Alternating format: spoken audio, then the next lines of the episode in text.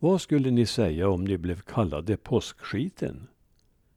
Ja, svaret kan variera beroende på varifrån ni kommer. Många skulle kanske svara tillbaka med ett ännu grövre uttryck. Men i norra Värmland är det ett helt legitimt tilltalsord, men bara under vissa speciella förhållanden. Detta var inledningen på en påskkrönika den sjunde i fjärde 2012 i Nya Värmlandstidningen. Just under påskveckan har det av någon anledning ansetts som viktigt att inte ligga och dra sig för länge om morgnarna. Den som kom sist upp ur sängen råkade ut för att få ett öknamn och olika öknamn var det varje dag i denna vecka. Det började med släpmåndagen. Då var öknamnet Släpstocken eller Släpskiten och på fläsktisdagen var det Fläskskiten. Som ni märker hade också de olika dagarna just denna vecka namn som ledde till öknamnet. Men att onsdagen blev kallad askonsdagen och sjusovaren den dagen askskiten, det bygger förstås på ett missförstånd. I Dalby använder man namnet askonsdag på den dag som egentligen skulle heta dymmelonsdag. Kanske var det för svårt att säga dymmelskiten. På kråktorsdagen blev namnet föga överraskande kråkskiten men på långfredagen blev det vanliga öknamnet långlaten. Påsklördagen var man tillbaka i de gamla gängorna och den som sov längst då blev kallad påskskiten med varianterna påskåsna och påsklärpa. Slutligen så påskdagen. Då blev namnen påskåsna eller slärpen. En förutsättning för att man skulle få ge dessa namn var att man själv varit tidigare uppe och sprungit tre varv runt stugan. Det namn som längst bitit sig fast i det allmänna medvetandet och som brukas än idag är långlaten. Den stackaren hade man också rätt att piska, men bara på skoj. Ett sätt att klara sig undan bestraffningen var att bjuda på brännvin. Den farligaste dagen var skärtorsdagen, för torsdagar ansågs allmänt som farliga dagar. Att spinna på skärtorsdagen var inte att tänka på och om man ändå gav sig till att tälja stickor skulle man se till att dessa inte blev liggande på marken. Om korna skulle trampa på sådana stickor när de kom ut på våren skulle märgen krypa ur benen på dem. Högg man ved på skärtorsdagen skulle ormen sticka boskapen på sommaren, menade man i södra Finnskoga. Ganska långt fram i tiden, när Sverige ännu var ett kristet land, ansågs det som en stor synd att arbeta eller festa på långfredagen. Då skulle man helst hålla sig hemma i stillhet och andakt. Så var det ännu i min egen ungdom och går man lite längre tillbaka i tiden hotades det med att Gammel-Erik skulle komma och ta en levande. Mjölk var då förbjuden denna dag.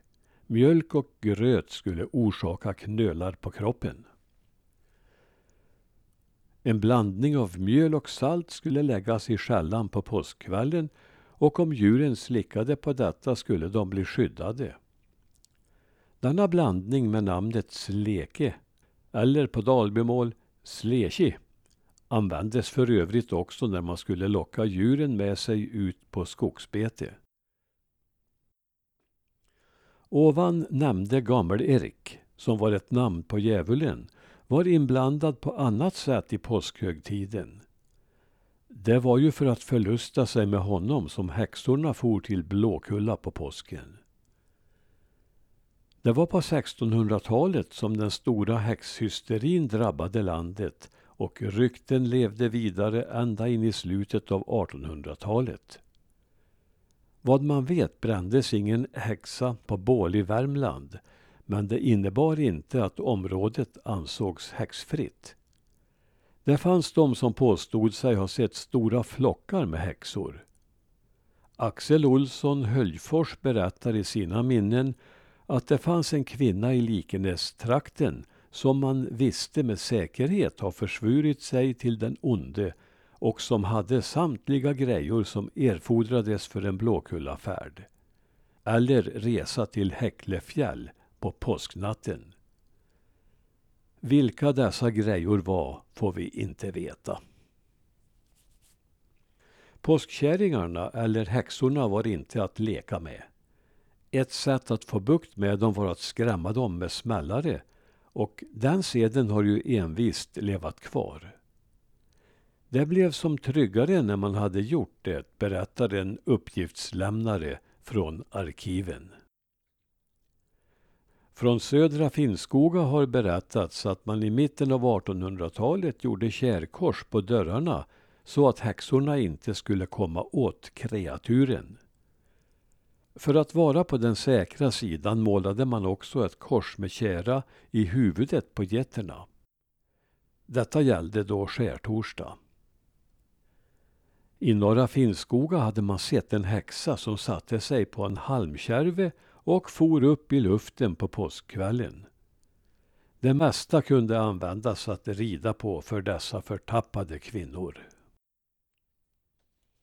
En timmermärkare i samma länsdel ertappade ett par häxor som han dock lyckades få ner genom att slå ihop ett par märkyxor. Järn bet ju bra på trolltyg. Han kände igen dem men blev hotad med att det skulle gå illa för honom om han avslöjade dem. I Dalby fanns en präst som hade förmågan att se vilka som var häxor i kyrkan. De satt, berättar arkiven, baklänges i kyrkan och stickade med mässingstickor. Man kan tycka att det inte skulle behövas en präst för att avslöja dem med dessa tydliga tecken. Till sist ett litet tips som förmedlats av den legendariske hembygdsforskaren Lars Bäckvall. För att man inte skulle få in trollkärringarna i stugan sopade man bort askan i den öppna spisen och strödde dit salt för att intet trollkärringarna skulle kunna fara den vägen, skriver Bäckvall. Glad påsk!